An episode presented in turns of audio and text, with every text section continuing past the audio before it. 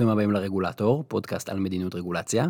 אני גיא, והיום נשאל, האם אנחנו יכולים להסתפק במתן שירות במקום רגולציה?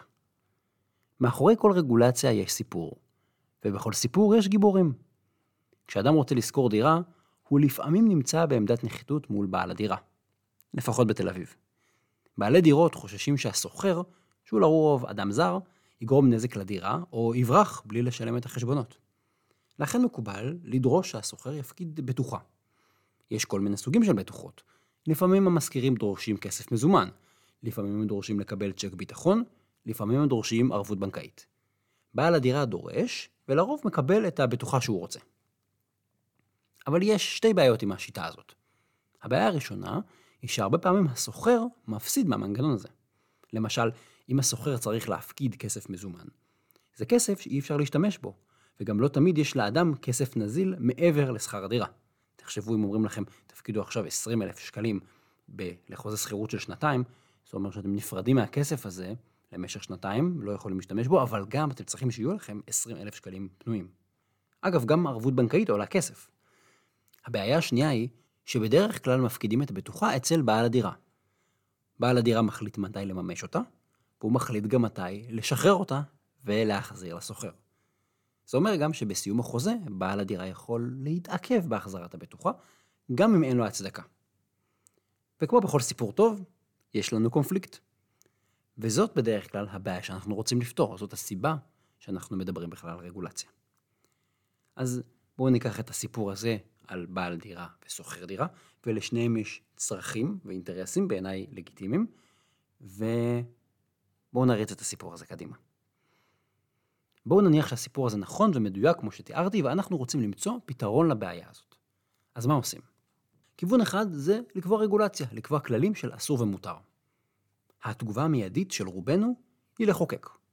אם בעל הדירה פוגע בסוחר, אז הסוחר מסכן, נאסור על בעל הדירה לדרוש בטוחות מסוימות, ואולי אפילו גם נגביל את גובה הבטוחה. למשל, נגיד שהוא לא יכול לדרוש ערבות יותר מ-10,000 שקלים.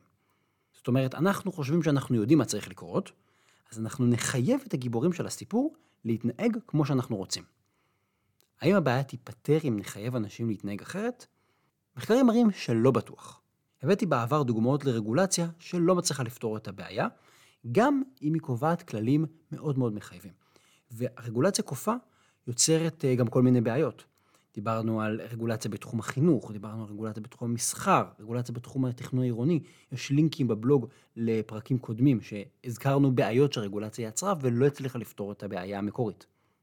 אז זאת אופציה אחת, רגולציה מחייבת. אבל אולי הסיפור כולו, סיפור המסגרת שלנו קצת שונה.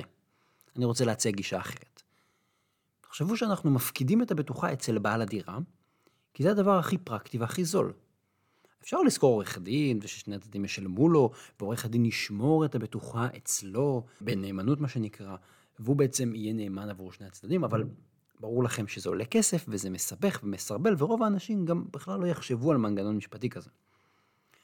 אז החלופה האחרת היא פתרון מבוסס שירות. זאת אומרת, אנחנו רואים את הבעיה לא כמצב של קונפליקט ישיר, אז הפתרונות יכולים להיות שונים. כי אם אנחנו חושבים על הבעיה כמצב של קונפליקט ישיר, אנחנו נאמר שיש מישהו אחד שהוא טוב ומישהו אחד שהוא רע, או מישהו אחד צריך לנצח, מישהו אחד צריך להפסיד, ואנחנו נכופף את מי שאנחנו מחליטים שהוא הבעיה.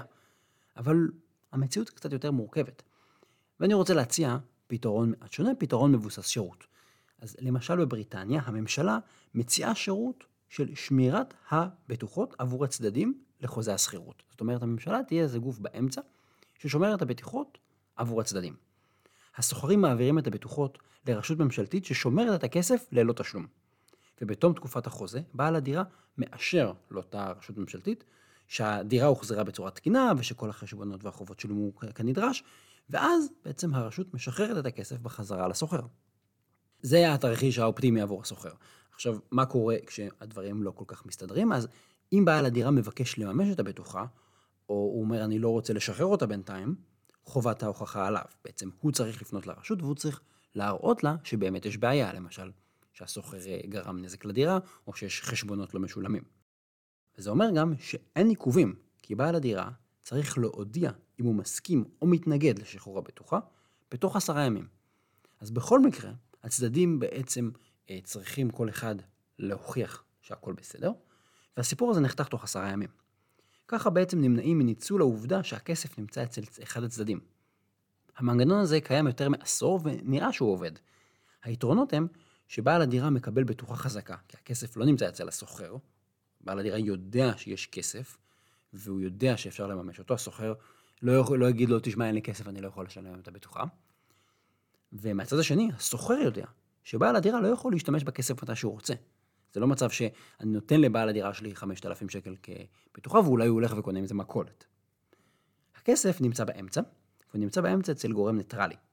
אז לשני הצדדים יש תמריץ להתנהג בסדר, ואין פה איזו בעיה של כוח אסימטרי. בבריטניה הם קבעו שהמנגנון הזה מחייב רק בחלק מהחוזים. בגדול יש בבריטניה שני סוגים מרכזיים של חוזה שכירות. סוג אחד של חוזים נקרא Assured Short Hold Tendency. שכירות קצרה, בדרך כלל עד תקופה של שישה חודשים, ואפשר להאריך אותה מעבר, אבל אחרי שישה חודשים, בעל הדירה יכול להחליט על סיום השכירות לפי בחירתו. כל יום אחרי שישה חודשים לבעל הדירה יש זכות להודיע שהוא מסיים את השכירות. ובחוזים כאלה, מנגנון הערבות שהצגתי קודם, הוא מחייב. המנגנון הזה שמפקידים את הערבות אצל הרשות הממשלתית באמצע. ויש חוזה אחר שנקרא assured tendency, בלי המילה short hold, וזה בעצם חוזה לתקופה ארוכה. כאן השכירות מסתיימת רק בתום התקופה. בעל הדירה לא יכול להודיע פתאום באמצע התקופה שהוא מסיים אותה, ובחוזים כאלה המנגנון הוא שירות וולונטרי, ממש שירות שאפשר לבחור אם רוצים או לא רוצים, והצדדים יכולים להחליט אם להשתמש בו או לא. עכשיו, מה לגבי גובה הבטוחה שהסוחר מפקיד? אז זה דבר שבו הממשלה בבריטניה לא מתערבת בו. היא מספקת שירות, היא לא קובעת רגולציה על זה.